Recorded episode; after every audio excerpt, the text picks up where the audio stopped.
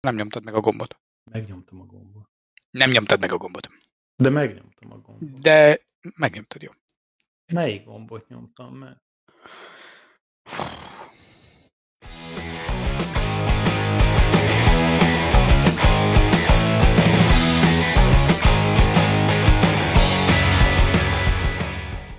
Üdvözöljük kedves hallgatóinkat az Ártosztály 94. adásában.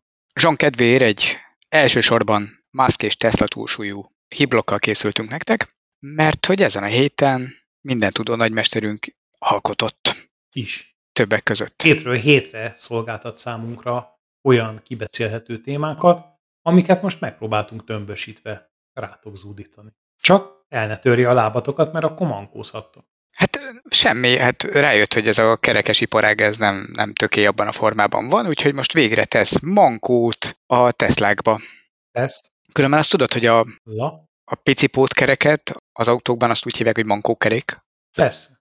Na, az enyémben ilyen például nincs. Már az sincs benne? Nincs. Na, szerintem egészen komikusan nézett volna ki, és inkább megspóroltak. De a Teslákba sem mankókereket raknak igazából, hanem másféle mankót, ők a, az ilyen környezetletapogatáshoz fognak mankót használni, Amit amit az iparág többi részén egyébként lidarnak neveznek, és Elon Musk határozottan a semmi értelme listára tette egyszer véletlen. nem teljesen véletlenül többször is említette, hogy ez a gyengék fegyvere, tehát mindenképpen meghagyja Annak, aki nem tud rendesen kamerákkal tájékozódni. és sztereoszkopikus kamerákra, vagy a korábbi modellek elején található radarra alapozza a navigációs képességet. Aha. Nem dől be ennek a bazári lézerpointeres trükknek, amit mások használnak. Így. És ehhez képest az történt, hogy Floridában egy Tesla Model Y prototípust fotót, fotóztak nem régiben le, aminek bizony a Luminar által gyártott lidar volt a tetején. és akkor ez így most nem ellentmondás? Biztos csak véletlen volt rajta, nem? Ja, csak szállította? Nem fért be a csomagtartóba, fölrakták. Ja, sajnos nem, mert hogy a Bloomberg szerint a, a Tesla partnerségre lépett a Luminarral, az egyik legnagyobb lidar gyártóval, arra, hogy fejlesszék és ö, teszteljék ezeket az eszközöket. Pontosan még nem tudni, hogy mi, de nagyon gyanúsítható, hogy a teljes valós autopilot fejlesztésével fognak foglalkozni ezekkel az eszközökkel. Hoppá! Meggondolták magukat. Mégiscsak arra ment a többség, lehet, hogy annak van értelme. Ugye? Tehát nem szégyen a mankó, hogyha azzal jobban tudsz nyárni. Még jöhet jól. Igen. Mondjuk, ami erre kicsit ráerősít, hogy cserébe, hogy ezt elkezdték már tesztelni, van olyan Tesla, amit radar nélkül szállítanak. Lidar és radar nélkül ugye ebben az esetben.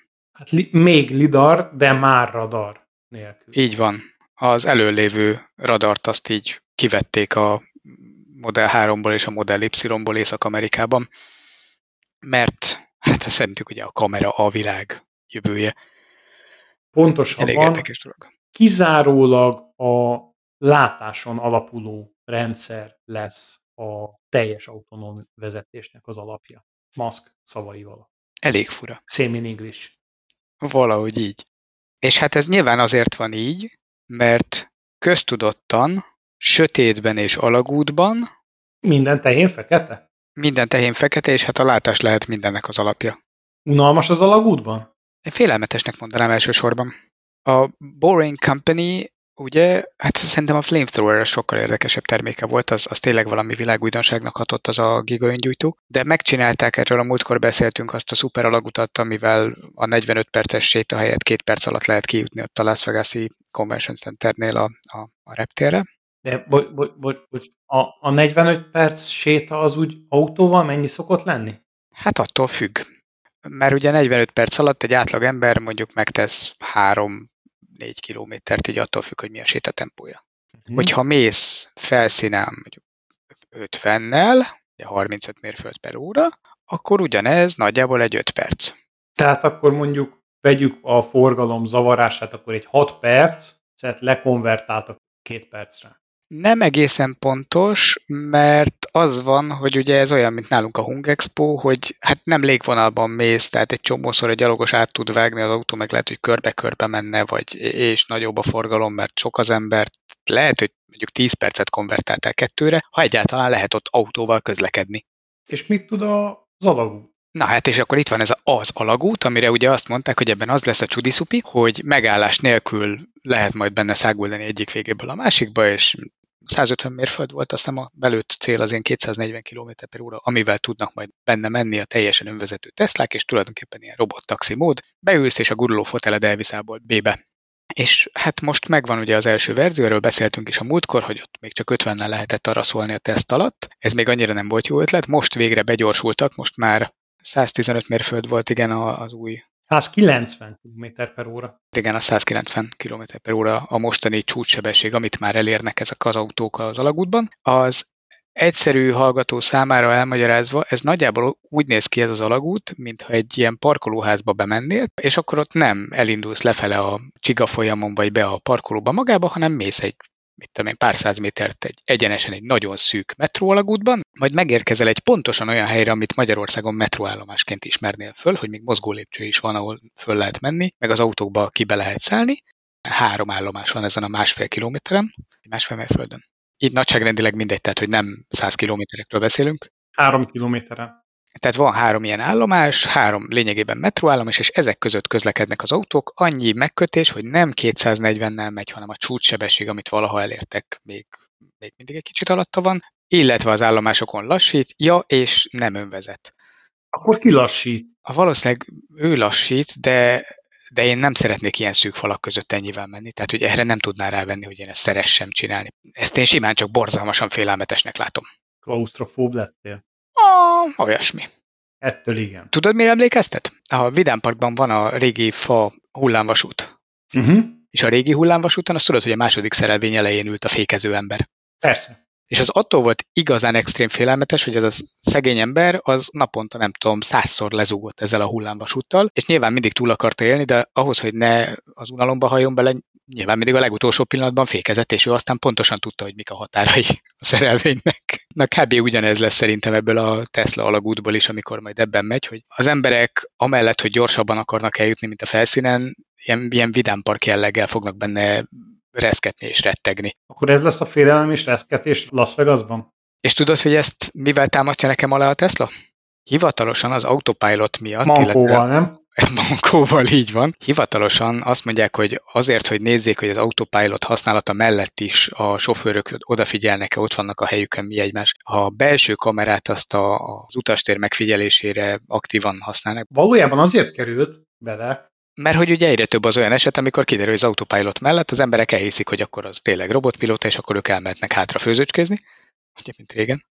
Ez volt a lakóautóknak az egyik Így van.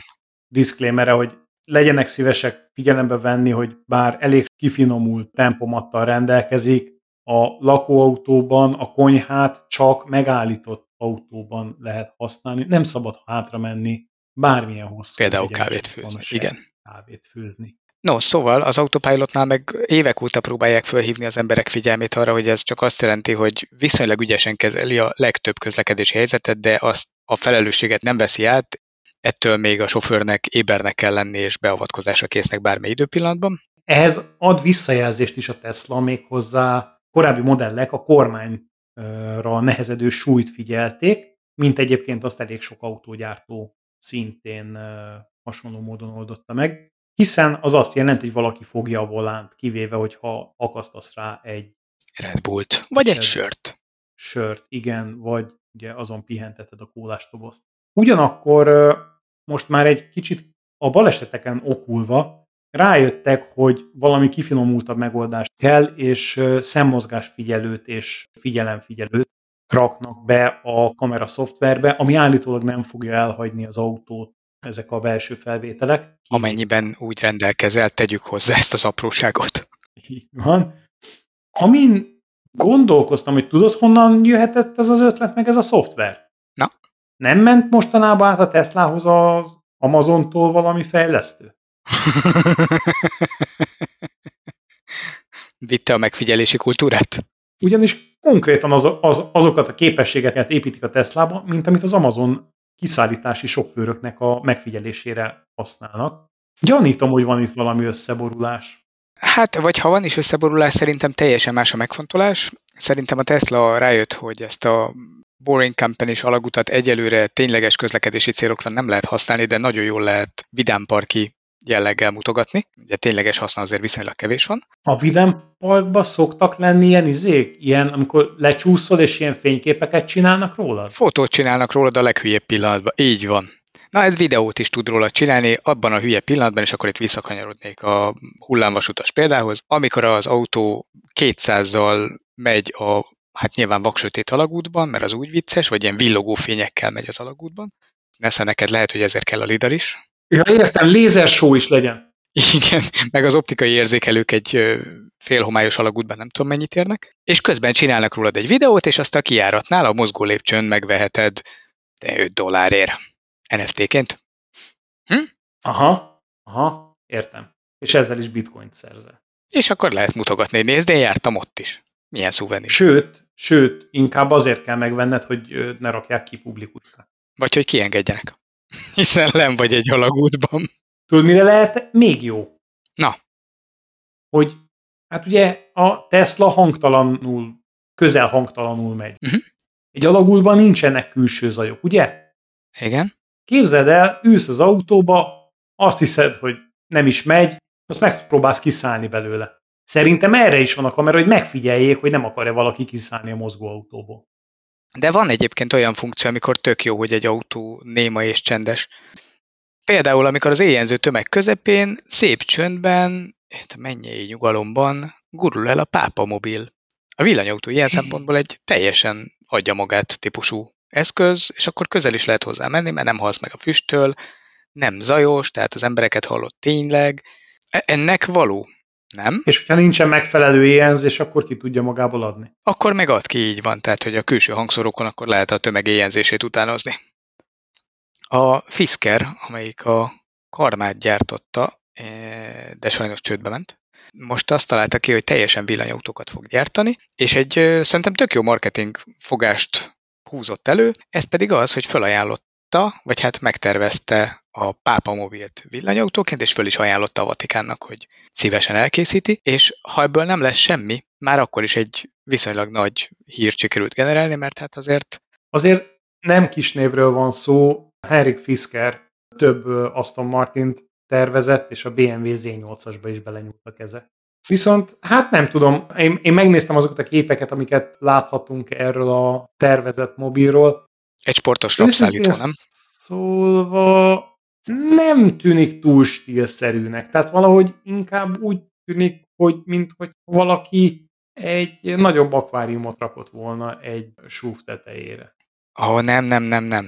Ugye az egész modell neve az Ocean, és az egészben próbálják a zöldséget terjeszteni, nem zöldséget, zöldséget sugalni, úgyhogy amellett, hogy teljesen villany újrahasznosított anyagokból, az óceánból kihalászott és újrahasznosított műanyagflakonokból van például a belső tér burkolata. Ez a felesleges flancolás már elnézés, de a szárazföldön összegyűjtöttből valószínűleg olcsóbb lett volna. Igen. Értem, értem, de nekem nincs hozzáadott értéke, hogy ezt az óceánból szedték ki. Lehet, hogy azért, mert a kontinens közepén lakunk, de, de az is elég lett volna, ha azt mondják, hogy itt a városban összegyűjtöttet gyúrták vissza.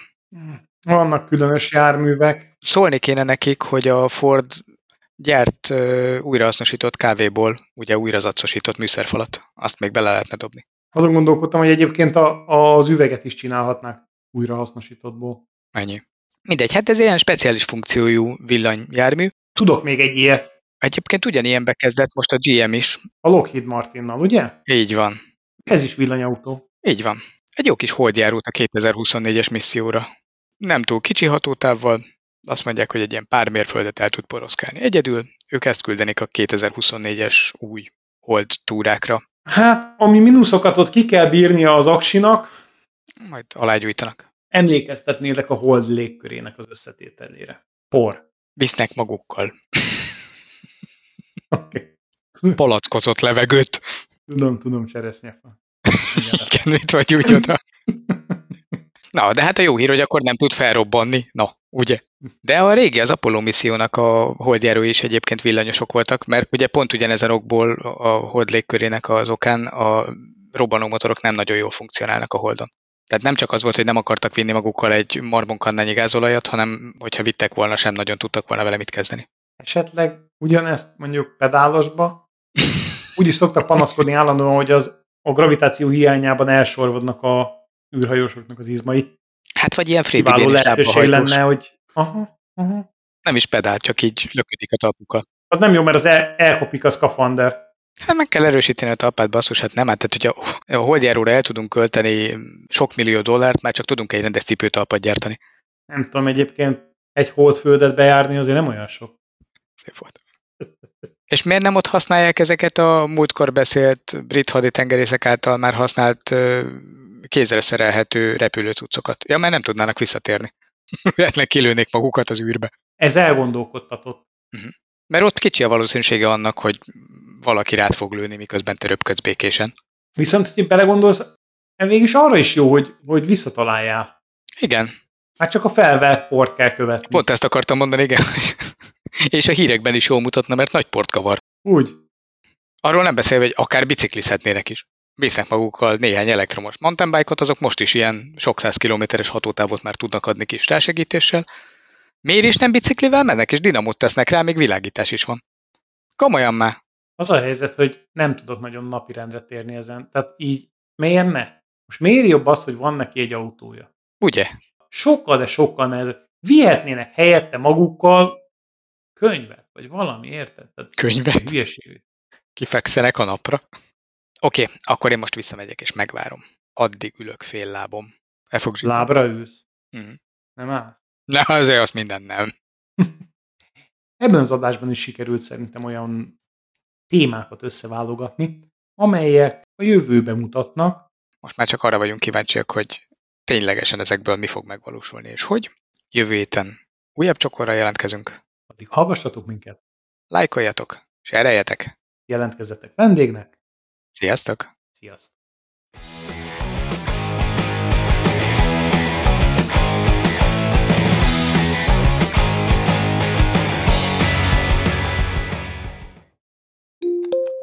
A Tesla partnerségre, partnerségre lépett. a Megmondtam ki egyben. Hát ismét, ismét érdekes dolgokat sikerült, le, megint érdekeset. Hát ő nélkül.